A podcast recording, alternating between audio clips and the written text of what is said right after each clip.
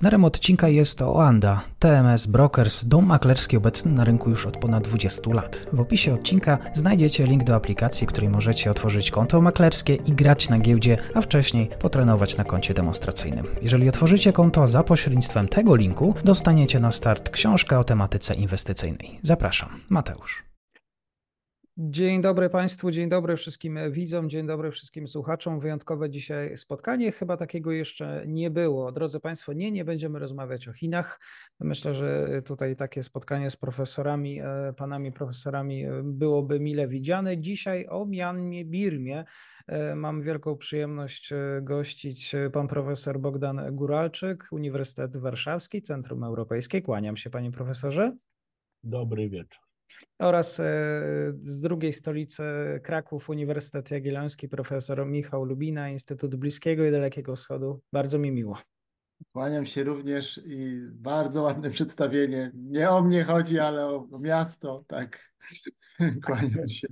Tak, dzisiaj również o, tym, o tych stolicach będziemy rozmawiać, bo tutaj się chwieje ta, ta władza e, w Mianmie, junta wojskowa, o tym dzisiaj sobie porozmawiamy. Zachęcam Państwa do tego, żeby sięgnąć do naszych poprzednich materiałów i za, zastanawiam się, panie profesorze, tutaj do pana profesora Guralczyka, czy byłoby uczciwym, żeby słuchaczy y, na początku jeszcze raz uwrażliwić, o co tak naprawdę w tym konflikcie chodzi i od kiedy on trwa, bo już to już blisko trzy lata.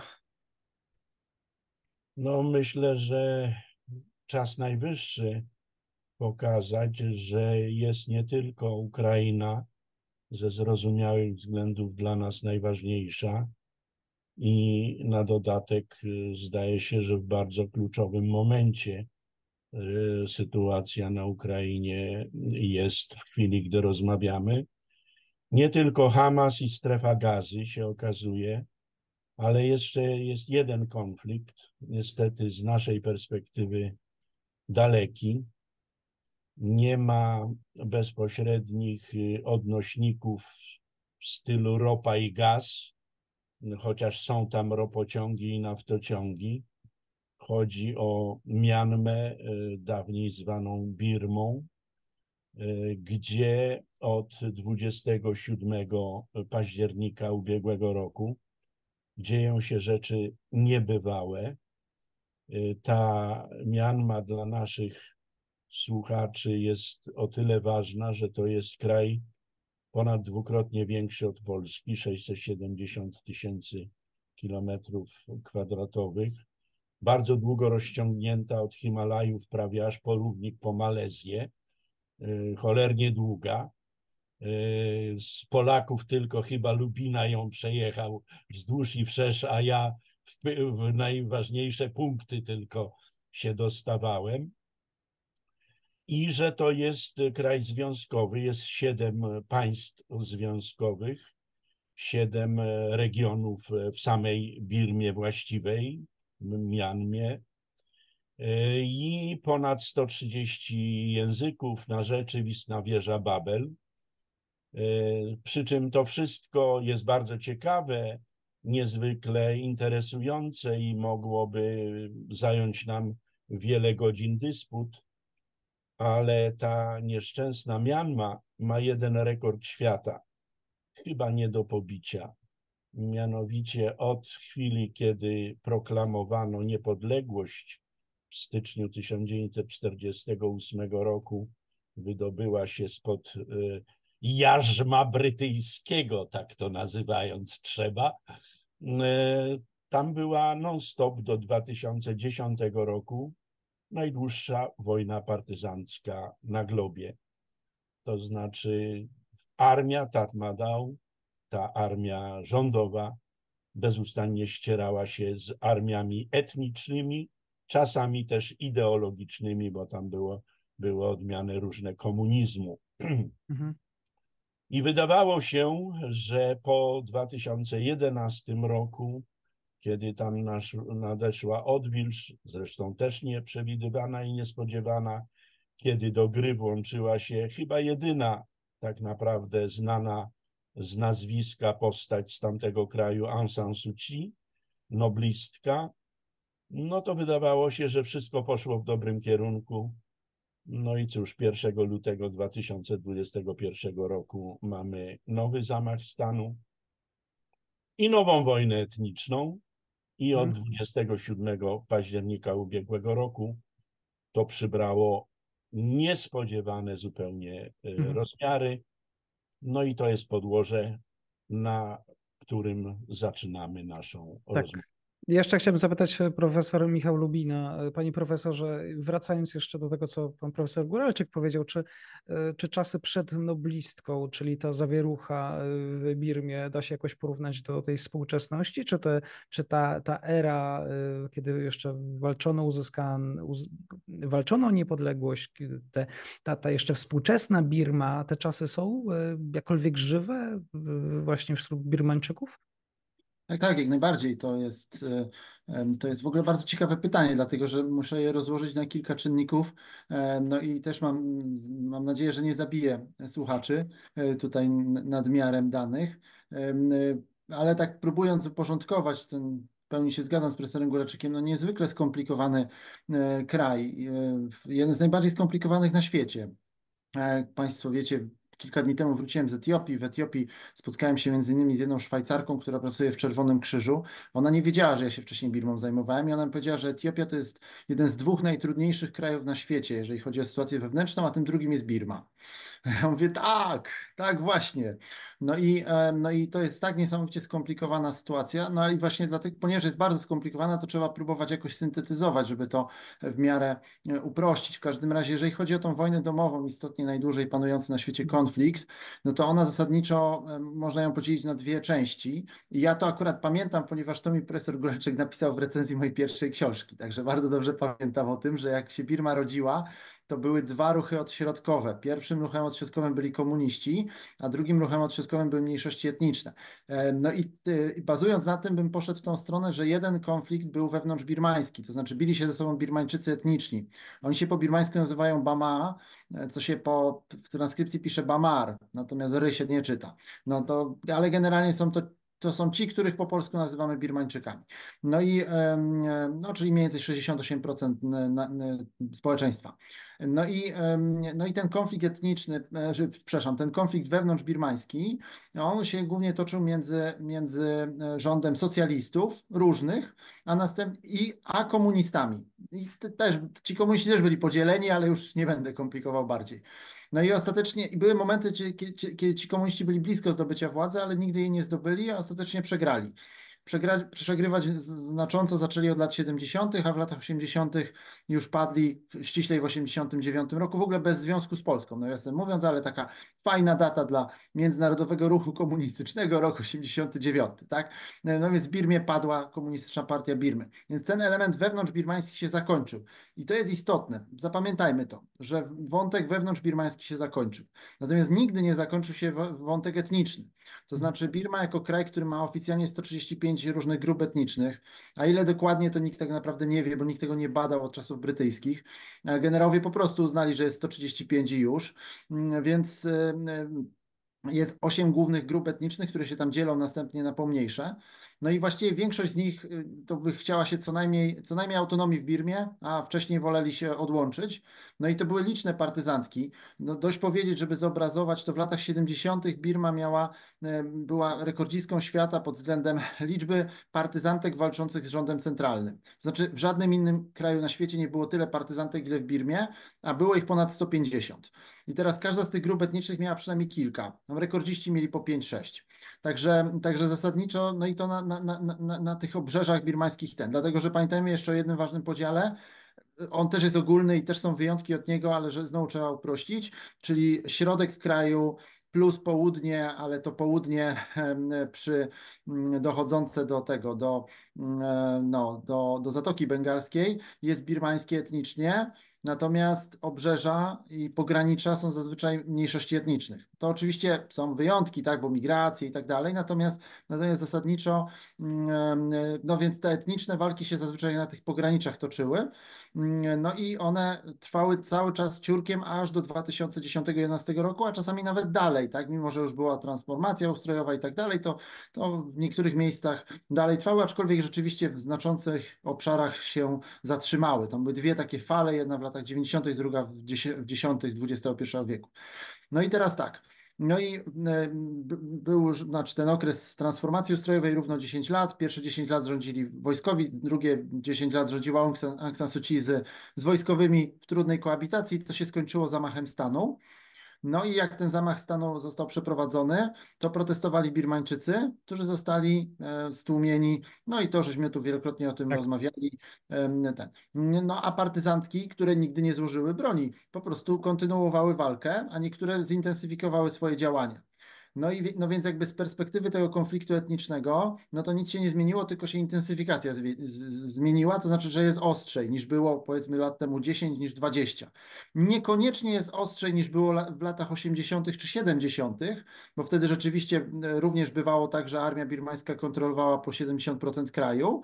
Natomiast jeżeli chodzi o ten aspekt etniczny, no to tutaj mamy pewien konstans, tak? Oczywiście dynamika się zmienia, natomiast ciągle trwają walki. Natomiast wielką zmienną po zamachu stanu jest to, że za broń chwycili, jak już zostali stłumieni, jak już te pokojowe protesty zostały stłumione, to za broń chwycili zwykli Birmańczycy, czyli etniczni Birmańczycy, którzy zasadniczo od lat 70., no jeszcze 80., ale to już nie dobitki, oni zasadniczo nie, nie, nie walczyli z huntą. Jeśli już to protestowali pokojowo, lądowali w więzieniach, wyjeżdżali na emigrację, natomiast ten. Tak, panie profesorze?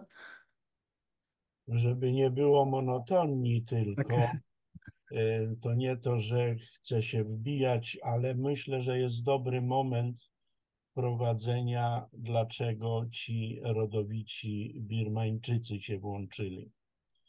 Otóż y, Birma, z grubsza rzecz biorąc, przeszła przez dwie ogromne dyktatury. Jedna Neuina od początku lat 60. do 88 roku, Krwawo się to skończyło i wyniosło wtedy na światową ikonę Aung San Suu Kyi. I potem była, była jeszcze przejściowa, krótka, ale wziął i zwariował główny dyktator i mm, przyszła dy, dyktatura druga starszego generała Tanshue, która przyniosła ze sobą nową konstytucję napisaną przez generałów. Przyjęto ją pod koniec 2010 roku i kiedy ją przyjęto, ja na pewno podejrzewam, że Michał Lubina również powątpiewał, czy to nie jest znowu wielka ściema, jak kolejny dokument przygotowany przez generałów. Ale po paru miesiącach, a na pewno już w lecie 2011 roku, kiedy szef e, nowego rządu przyjął u siebie i to pod e, portretem generała Aung Sanga założyciela państwowości i zarazem założyciela e, armii Tatmadaw e, Ausana e, przyjęto Aung San Suu Kyi, no to i równocześnie ten rząd nowy wstrzymał za 3,5 miliarda wielką zaporę z Chińczykami, no to zaczęliśmy się zastanawiać, że chyba coś poszło inaczej. I poszło inaczej. Do Birmy po 2011 roku Aung San Suu Kyi weszła do Chlutał, stała się parlamentarzystką, a w 2015 roku po raz pierwszy wygrała i to zdecydowanie z Narodową Ligą na Rzecz tak. Demokracji wybory. I kiedy te wybory wygrała, e, no to było pytanie, co z tym fantem zrobić, bo tak, konstytucja z 2010 roku dawała możliwość rynkowego e, działania, wprowadzenia kapitałów, dawała możliwość nawet funkcjonowania w quasi-demokracji, ale wyłączała, to było były bezpieczniki ze strony armii, trzy resorty, czyli armię, sprawy wewnętrzne no i kluczowe, tu rozmawiamy o tym, sprawy graniczne, bo te partyzantki etniczne, czyli Aung San Suu Kyi wygrywa wybory, staje się osobą, którą chyba by najlepiej nazwać kanclerzem, bo nie prezydentem i nie premierem, zresztą jest szefową dyplomacji, a nawet przemysłu przez pewien krótki czas, żeby kapitały kontrolować, ale nie ma resortów siłowych. I wtedy dochodzi do zakulisowych rozmów jej ze starszym generałem Tanshue, a nie szefem armii, e, generałem e, Minaulainem, e, i dochodzą do porozumienia. Zakulisowo dogadują się i starszy generał Tanshue, który jest już pięć prawie lat w odstawce, przez swojego wnuka oznajmia, że Aung San Suu Kyi może rządzić. Mhm. I Aung San Suu Kyi wprowadza rudymenty e, demokracji już na, na, na całego. Zaraz oddam e, głos Lubinie, bo on jest jej biografem i, i poza tym dwukrotnie z nią rozmawiał, to jest ważne.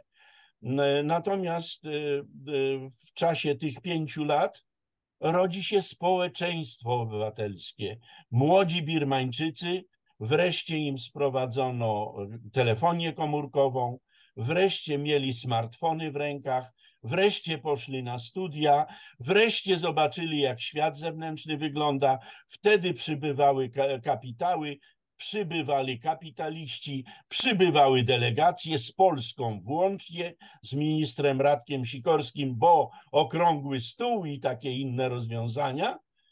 No i y, wydawało się, że wszystko ruszyło. I teraz niech się Lubina martwi, jak to ruszyło, czy nie ruszyło.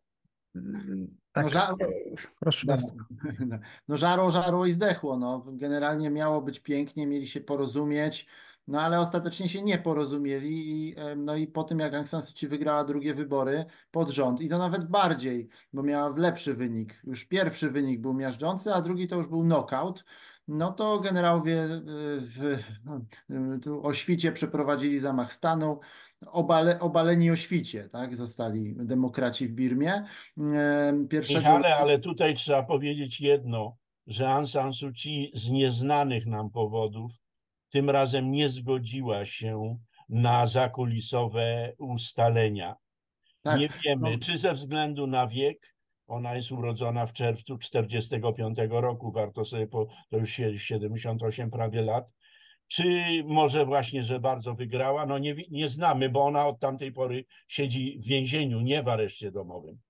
Nie wiemy tego, no i rzeczywiście jakby to wygląda na błąd, no ale nie znamy wszystkich zmiennych, to znaczy właściwie to nic nie wiemy i to jest, i to jest jakby podstawowa rzecz, to później wychodzi. Z ciekawych rzeczy, które wyszły później było na przykład to, że Chiny wysłały delegację do Naypyidaw, czyli do stolicy Birmy, która to delegacja oznajmiła obu stronom, że państwo środka nie życzy sobie zamachu stanu, po czym i tak zamach stanu miał miejsce, nie? Więc to, to nam pokazuje jakby, że do, do generałów birmańskich to nawet Chińczycy nie trafiają, tak? Więc, więc, więc to jest istotny element. No w każdym razie generałowie przeprowadzili zamach stanu, który się wydawał bez sensu, dlatego że, że oni mieli te bezpieczniki. Suci owszem się rozpychała i tam e, swoją władzę powiększała, ale ona też nie przesadzała. No, te, te, te zmiany nie szły aż znowu aż tak za daleko. Ona im tam, ona im tam tak na dobrą sprawę w pewnym sensie robiła grubą kreskę, no nie zabierała zamierzała im tam majątków zabierać, nie zamierzała ich rozliczać, broń Boże, tak? To wszystko było po azjatycku, tak? Tylko chodziło o to, kto ma rządzić. Ja pamiętam właśnie, jak profesor Góraczyk tutaj miło, że wspomniał, że e, rozmawiałem z Suci, a nawet cenniejsze dla mnie było, jak brałem udział w rozmowach między, między rządem polskim czy delegacjami, jedną delegacją polską a Aung San Suu Kyi i tam padło takie zdanie, w którym jeden z naszych decydentów właśnie z nią dyskutował, no i ona zaczęła mu tłumaczyć psychologicznie, o co chodzi w polityce birmańskiej, a on tak mówi, nie, to jest psychologia i tak dalej. Ona mówi, psychologia jest wszystkim, ona decyduje o tym, kto rządzi. No i, i zasadniczo to rzeczywiście chyba tak jest w tej polityce birmańskiej, że, że chodziło o to, kto ma być tym głównym. No i, e, no i po prostu nie może być dwóch słońc na niebie, tak z innego porównania to. E, no i, no i ten dwugłowy orzeł, tak, czy ten dwugłowy paw w przypadku Birmy, bo tam paw jest symbolem symbolem, z Indii wzięty, no to, no to się, no, źle się skończyło, tak? No i generał Min Online obalił Suci, wsadził ją do więzienia, zresztą wyraźnie, wyraźnie jest tu element niechęci osobistej, dlatego że, że generał Tanszue również nie lubił Suci, a jednak te elementy takie kurtuazyjne zachowywał, to znaczy, to znaczy tam e, ten areszt domowy jej domu rodzinnym był i tak dalej. Natomiast tutaj już, już poszło po bandzie po prostu cela w więzieniu i tak dalej. Także... Co się, co się dzieje z samą narodową e, Ligą na Rzecz Demokracji. No, partia została dzieje... formalnie rozwiązana, a potem teoretycznie przywrócona, ale zasadniczo to, to nie, ma... Te, nie, partia została rozwiązana przez generałów, zadeklarowano, ale liczni, bo tam co parę miesięcy jedzie specjalny wysłannik no Pekinu, E, zadziałali wysłannicy Pekinu, żeby ona pozostała jednak na firmamencie. E, podejrzewa się również, że Chińczycy wpływali na to, żeby los e, zmiękczyć nieco Aung San Suu Kyi, bo ją oskarżano w wielu procesach, nazbierało się tyle, że drugiego życia by jej zabrakło, żeby to odsiedzieć, a jak mówię, prawie dochodzi do 78 lat i w przeciwieństwie do okresów poprzednich, gdzie kilkanaście lat była w areszcie domowym, jednak w Willi, w Rangunie e, czy Yangonie, e, gdzie należało to do jej rodziny, to teraz siedzi autentycznie w więzieniu. W czerwcu ubiegłego roku minister spraw zagranicznych Tajlandii udało się mu wynegocjować, ale nie rozmawiał z nią, tylko wynegocjować z władzami że ją na niespełna miesiąc, z tego co policzyłem, e, skierowano do willi w Najpidał, nowej stolicy państwa, gdzie ona urzędowała i znowu trafiła do więzienia i jest tam do dzisiaj. E, I to jako zwykły więzień. To oznacza, że traktuje się ją zupełnie inaczej niż poprzednio.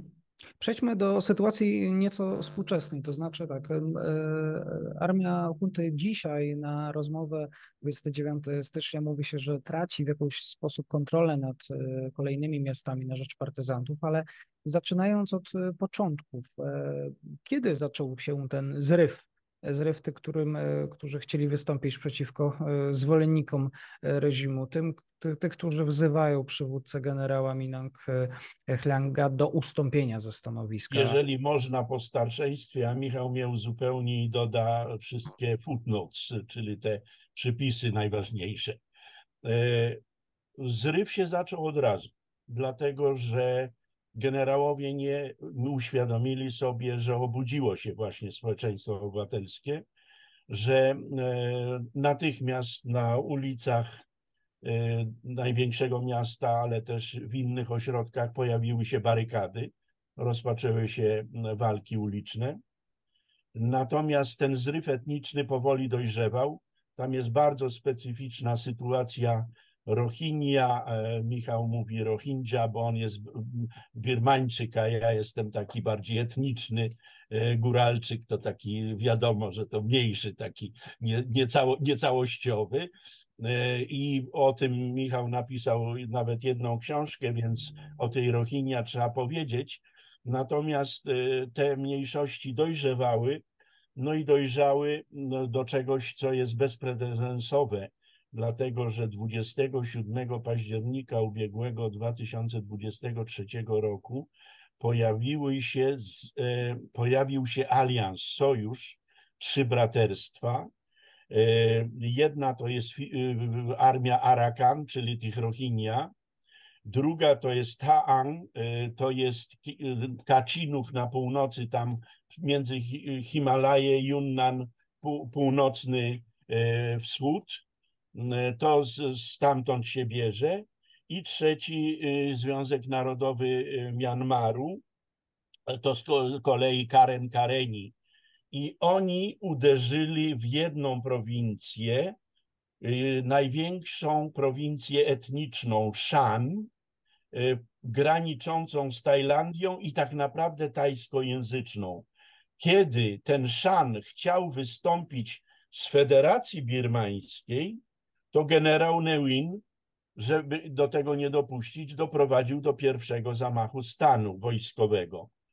I e, od tamtej pory aż do dzisiaj, kiedy rozmawiamy, e, te, a te, ten sojusz trzech braterstw zajmuje coraz więcej terenów, coraz więcej w prowincji Shan, coraz więcej na północnym wschodzie w Kachin, ale po drugiej stronie kraju również e, w Chin i Arakan, Rakhine i jeszcze są e, partyzantki tych e, Karen Kareni na pograniczu z Tajlandią, czyli cały kraj, całe obrzeża są w ogniu i dosłownie dzisiaj sprawdzałem, są zajmowane dalsze, y, y, jedno, dalsze miasta, dalsze wsie.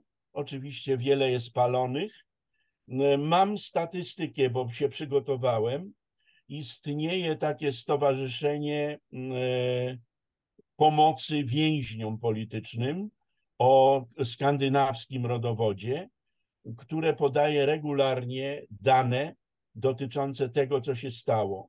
Otóż od wybuchu, czyli od przewrotu wojskowego, zginęło prawie 4,5 tysiąca osób, 25 tysięcy aresztowanych, blisko 20 tysięcy siedzi w więzieniach, przy czym to nie, obój, nie obejmuje jeszcze tych walk, mhm. które się teraz toczą, bo to jest trudniej policzyć. Kiedy Sztokholmski Instytut Badań nad Pokojem w czerwcu ubiegłego roku wydał poważny raport na temat tego, co się dzieje w Birmie po, y, po tym zamachu stanu, podał ilość zabitych na 6 tysięcy.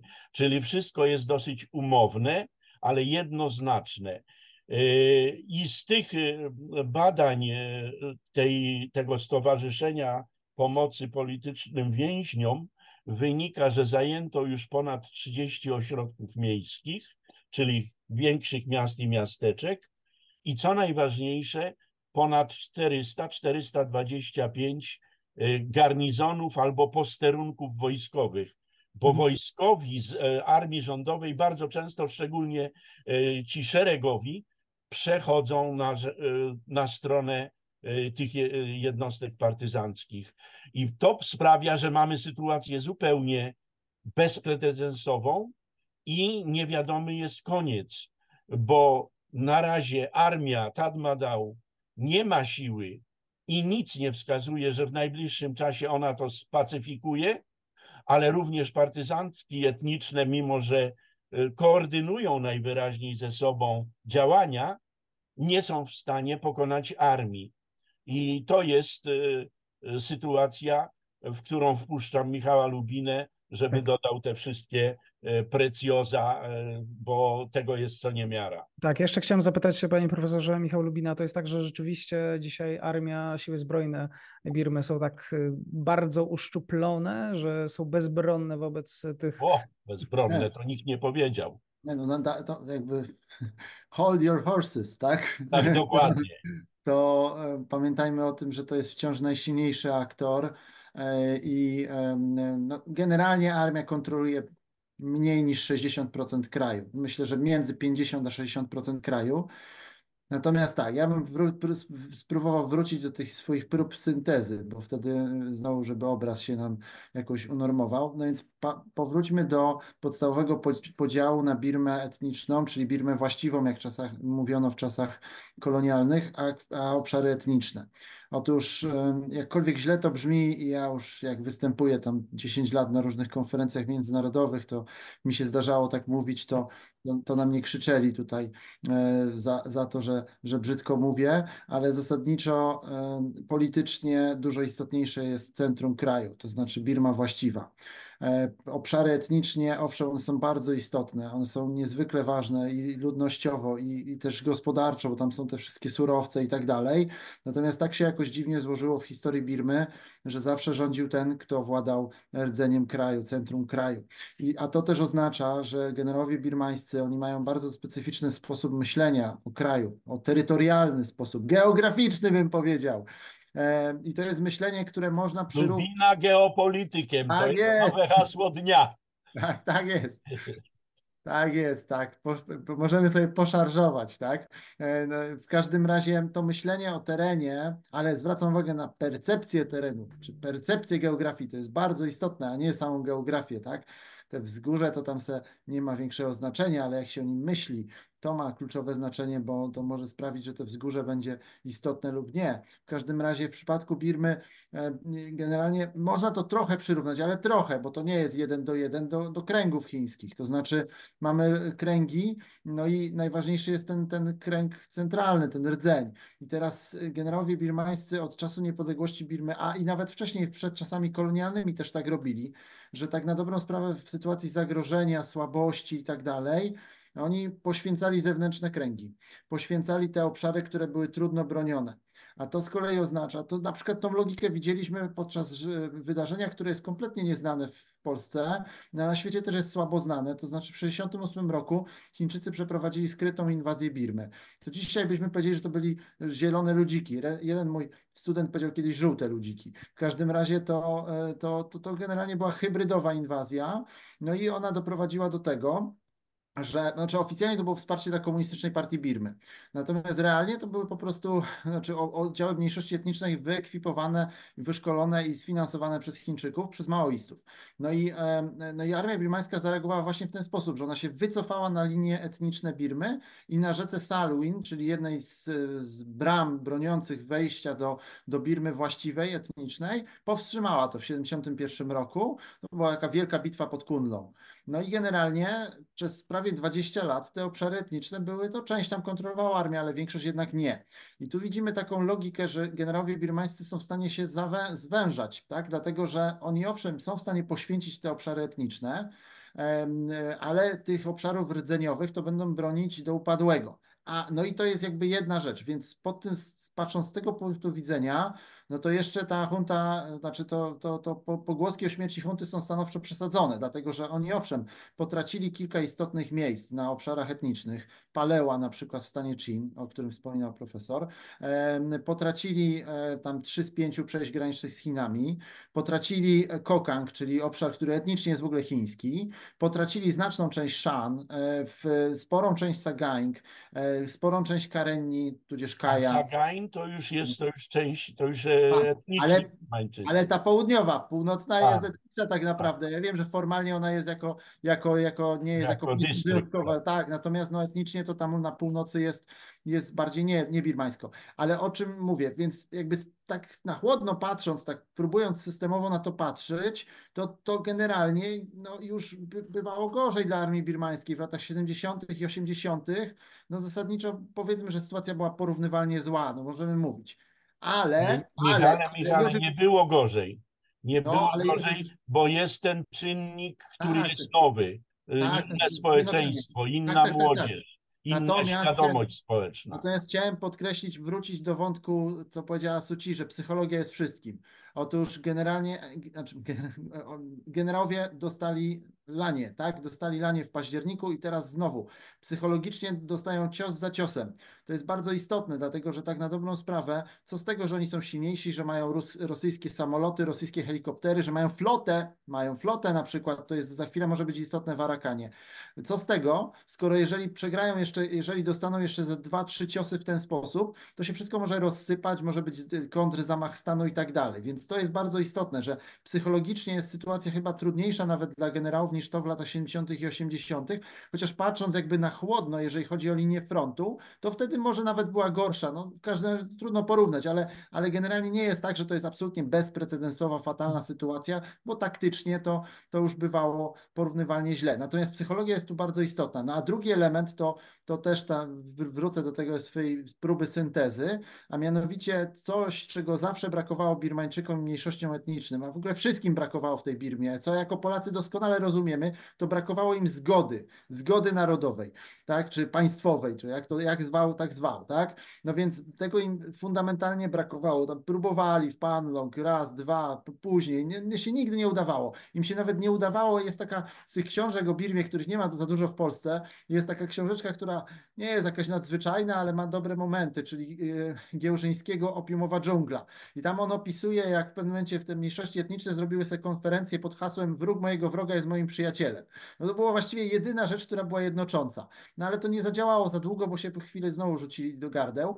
No więc efekt tego był taki, że oni owszem walczyli z huntą, ale ze sobą też walczyli. A wielki przełom po roku 2021 jest taki, że, że się wreszcie porozumieli i się nie biją ze sobą, tylko się wszyscy biją z huntą. I to Czyli- jest bardzo ważna, ważna zmienna, któ- która jest kolejna obok tego zjednoczenia. No i teraz przykładem tego, i to już ostatnie zdanie, bo za dużo gadam, e, jest to, że jak ci Birmańczycy zostali, e, protestowali w 2021 roku pokojowo, zostali stłumieni, no to poszli e, do, do, do dżungli, do partyzantki. Ale na początku to wyglądało to trochę jak nasze powstanie styczniowe, to znaczy, a, a za orłem znak pogoni poszli nasi w bój bez broni, tak? To tutaj może nie orzeł, tylko paw, tak? E, Czy, czy tam inne, inne z mitologii hinduskiej rzeczy wzięte. Natomiast, natomiast no bez broni pozostaje tak samo. No to była młodzież wiejska, e, miejska ze smartfonami i tak dalej. No, tłumacz mojej książki na birmański po, poszedł do partyzantki, tak? Także, także no, tacy ludzie, nie? Więc, więc zasadniczo ich wartość bojowa była żadna. No, ale te mniejszości etniczne, i to jest ważna zmienna, zaczęły ich szkolić. I, i zaczęły ich szkolić, i w efekcie em, e, mamy połączenie dwóch rzeczy. Po pierwsze, mniejszości etniczne mają broń i mają know-how, dlatego że przez lata biły się z huntą. Ale teraz mają jeszcze ludzi, dlatego że ci wszyscy Birmańczycy do nich poszli. No więc e, stan liczebny dalej, oczywiście armia ma przewagę znaczną, ale ci ich mogą kąsać z różnych części kraju. Co robią? Jest takie fajne powiedzenie, które czytałem kilka miesięcy temu, że hunta umrze od tysiąca małych ciosów. No więc, no więc to są ważne rzeczy, tak? Więc, więc zasadniczo mamy tutaj psycholo- mamy tutaj, o, o, ba, no, znaczy rzeczywiście jest bardzo źle dla hunty właśnie z tej perspektywy, Natomiast no, jeszcze bym się aż tak z gąską nie witał. To znaczy, to znaczy generałowie jeszcze mogą coś wymyślić, mogą zrobić kontrpucz, mogą odsunąć min online'a, wsadzić nowego, spróbować się porozumieć z częścią. Jeszcze mają trochę opcji na stole. To jeszcze nie jest tak, że że mamy tutaj bunkier pod Naypyidaw i, i, i już tam, i to już końcówka, tak? To jeszcze nie. Może pójść w tą stronę, bo taka jest dynamika na ten moment. No, ale Birma jest krajem, który nas zawsze zaskakuje, a zaskakuje nas dlatego, że bardzo mało o nim wiemy, bo bardzo mało mamy wiadomości i tak dalej, więc, więc tak na dobrą sprawę byłbym Czy- jeszcze trochę ostrożny. Czyli dzisiaj etniczne organizacje zbrojne łączy dzisiaj przede wszystkim ta walka z re- reżimem, z huntą Nie wojskową. biją się ze sobą, to jest bardzo dużo. Nie biją się za sobą i jest strach pomyśleć, co będzie, kiedy Jest jeszcze dwa elementy. Jeden, że oni mają reprezentację polityczną, to znaczy istnieje y, Narodowy Rząd, y, Rząd Jedności Narodowej, y, jakby alternatywa istnieje polityczna, y, czego nie zawsze jednak było. I to jest bardzo ciekawe, bo część z nich jest na terenie kraju, część z nich nie wiemy w ogóle, gdzie jest, część z nich jest e, za granicą w diasporze, E, ale jest jednak siła polityczna reprezentująca. I jest czy, dwa czynniki natury zewnętrznej. Jeden powinien się nazywać ASEAN, ale ASEAN, Stowarzyszenie Narodów Azji Południowo-Wschodniej, do której Birma, Mianma należy od 1999 roku, żelazny i trzyma się zasady, że nie wtrąca się w sprawy wewnętrzne państw członkowskich. No i to jest paraliż. Ale jest dwóch graczy, e, którzy tam są i to nie jest Zachód. E, Pierwszym jest Rosja. E, Michał, popraw mnie, ale ja zauważyłem, że Minał Line, szef tej hunty, która teraz dominuje po ostatnim zamachu, był tylko trzykrotnie za granicą, dwa razy w Rosji i raz w Dżakarcie na, na szczycie ASEAN właśnie. Tak, to poprawię, że był trzy razy w Rosji od zamachu stanu, dwa razy jeździł do Moskwy i miał nadzieję I na raz dostał spotkanie. hor, e, doktora honoris Tak, to było takie piękne. mu założyli, bo to maleńki dupelek, a toga była chyba nadurskiego Tak. bojara. I to Tak, i co więcej, można, można spróbować znaleźć wiele jego jakichś cech pozytywnych z trudem, ale, ale jakby ym, przemyślenia intelektualne do nich nie należą, tak? To, to Ale on też nie. Nie, nie po ten tytuł tam doktora, tylko Tak, bo to tam generalnie zapojechał Rosjanie- tylko po broń i Tak. Rosja jest głównym dostarczycielem broni i stałym dostarczycielem broni dla Tatmadaw, nie dla tych jednostek etnicznych. I to jest bardzo ważny element, że Tatmadaw ma wsparcie zewnętrzne i ma dopływ świeżej broni, amunicji i tak dalej. Co komplikuje oczywiście sytuację. I drugi czynnik innej natury, chiński. Chińczycy, czego się w Polsce, jak praktycznie wszystko, co dotyczy Birmy, Mianmy, tam pobudowali ropociąg i naftociąg. One funkcjonują. Prowadzą Sitwe w Zatoce Bengalskiej w pobliżu granicy z Bangladeszem E, i tak w poprzek kraju idą do prowincji Yunnan. No i Chińczycy jak jadą, to tylko pilnują, żeby te walki partyzanckie i to, co się dzieje, żeby tego nie wysadziło w powietrze. Bo to jest dla nich ominięcie, to mapa za e, naszym Mateuszem Grzeszczukiem gdzieś, nawet stąd widzę, że jest tam e, nad jest Australią Malakka, tak, że to trzeba tędy nad jego głową płynąć, a tak to się tnie prosto przez Birmę i do Chin.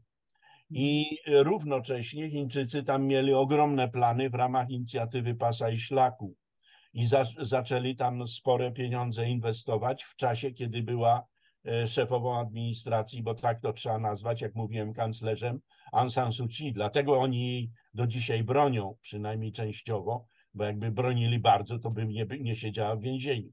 Mhm. No i w, w tym sensie y, oni dbają o to, żeby nie było naruszenia interesów ich bardzo ważnych, interesów ich mniejszości, a tam jest taka mniejszość Ła się nazywa, no to generałowie tylko po chińsku mandaryńskim ze sobą rozkazy wydają.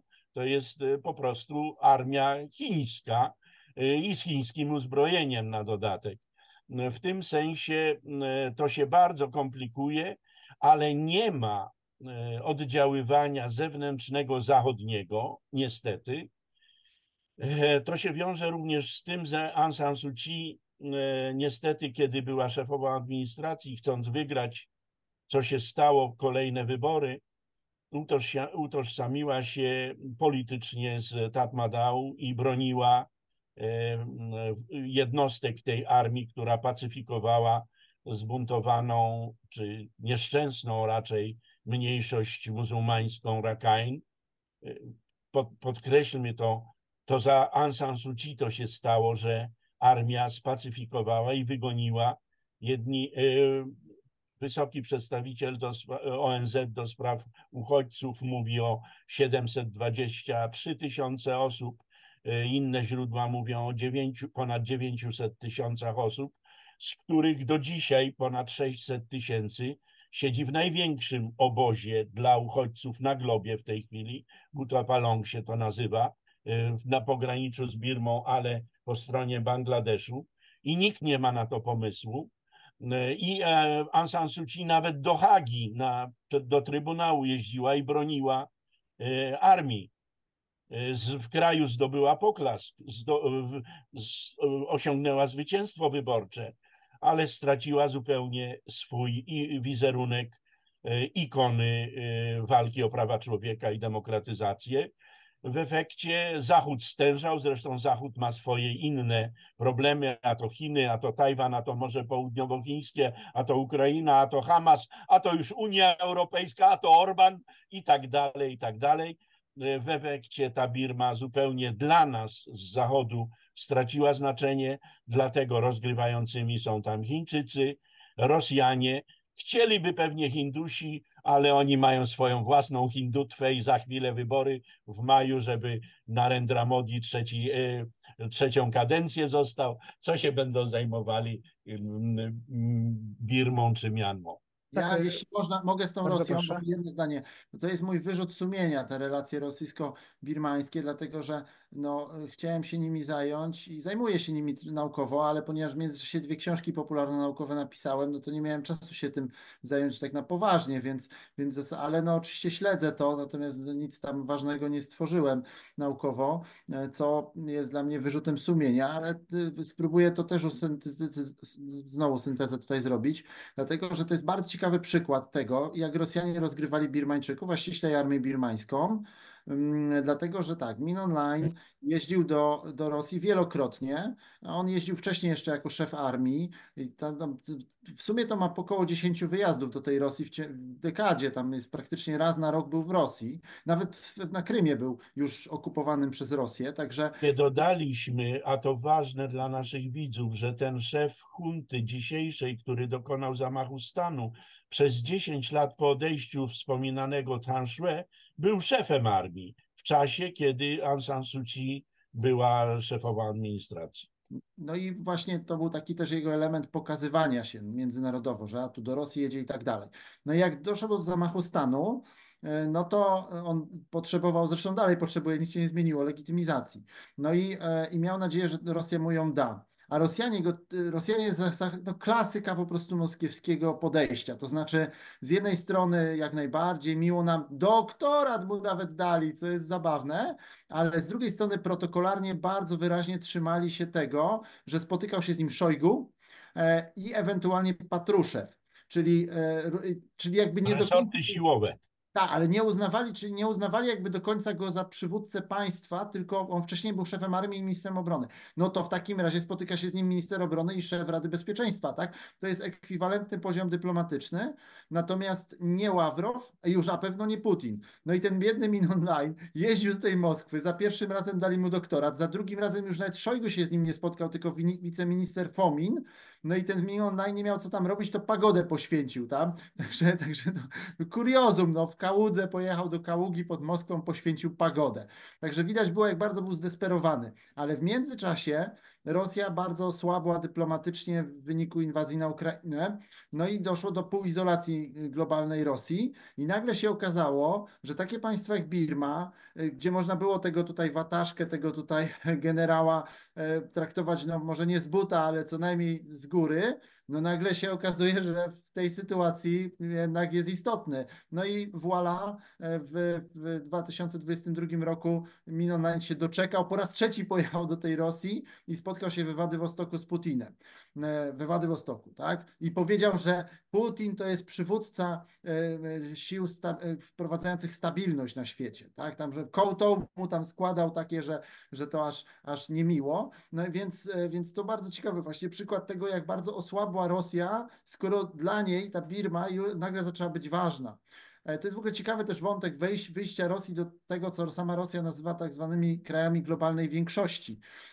Teraz byłem w Etiopii, to Etiopia też do tych krajów należy, które są teraz istotne dla Rosji. No bo jak się nie ma, co się lubi, jak się nie ma Zachodu, no to trzeba, trzeba grać gdzie indziej. Natomiast z bronią jeszcze, bo to jest istota. Przez lata to była absolutna podstawa i dalej jest podstawa relacji rosyjsko-birmańskich. No i tak, rosyjska broń przez lata była dla Birmy lepsza od chińskiej z jednego powodu, z dwóch powodów. Jeden już pan profesor powiedział, że Rosja sprzedaje tylko armii birmańskiej, a Chińczycy sprzedają i armii birmańskiej i partyzantom mniejszości etnicznych. No to, no to nie jest tak. Ponadto wszystkie te takie bardziej nowoczesne e, tutaj szpiegowskie elementy, no to generałowie birmańscy wolą brać od Rosji, no bo, no bo jak ma ich ktoś podsłuchiwać, to lepiej, żeby to była Rosja, niż żeby to były Chiny. Także, e, bo to, bo Rosja jest daleko, nie najedzie, tak, Rosjanie tutaj nie, demograficznie nie, nie zdominują Birmy, no bo jak, także jest wygodna pod tym względem. Natomiast ważne jest, no i te, ta broń przez lata, aha, a drugi powód był taki, że przez lata, to dzisiaj już raczej nie, ale przez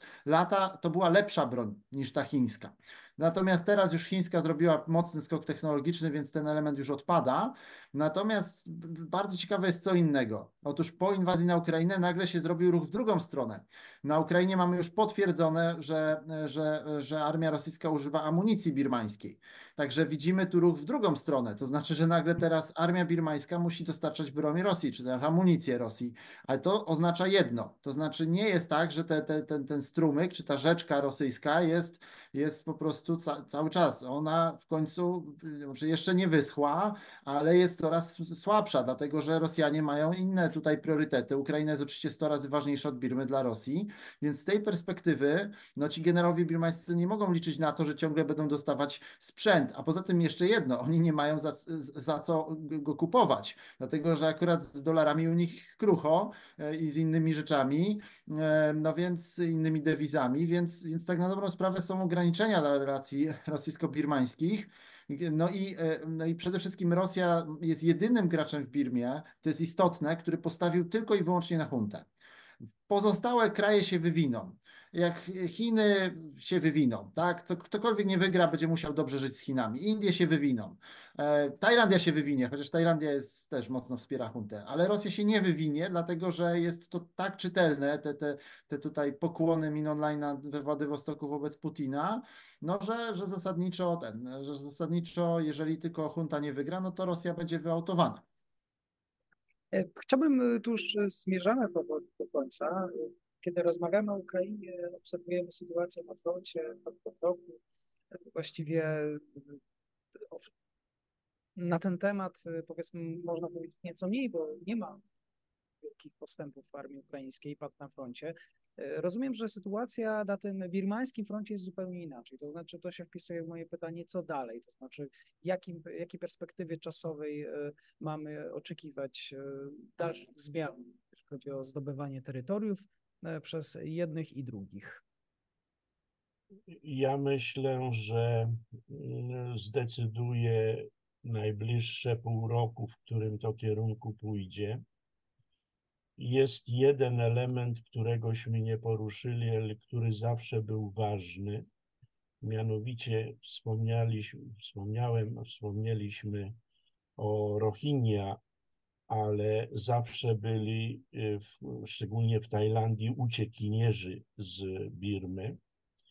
Y, tam e, było jeszcze w pierwszej dekadzie tego stulecia łącznie dziewięć obozów i ponad 120 tysięcy ludzi, którzy od 88-9 roku często tam przebywali. Siedem z tych dziewięciu obozów miałem możliwość osobiście odwiedzać, bo tak się złożyło. I mm, teraz była próba, żeby znowu to otworzyć, i władze tajskie zrobiły absolutnie wszystko. Jeździli delegaci jeden po drugim, żeby to się nie otworzyło. Nie chcą tego, nie chcą powtórki z historii. To znaczy, że murują granice, równocześnie robią duże interesy gospodarcze e, z władzami czyli z Tatmadaw, czyli z obecną huntą. E, to jest e, czynnik, który może ją podtrzymywać. Równocześnie pewnym zabezpieczeniem, że uciekinierzy nie pójdą, bo że poszli do Bangladesz, że e, próbują iść do Indii, to wiemy.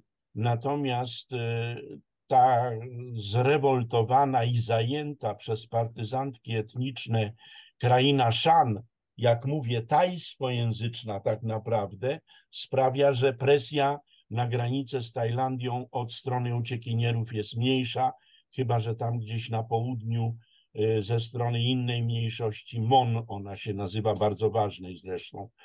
Y, w tym sensie y, my jeszcze nie wiemy,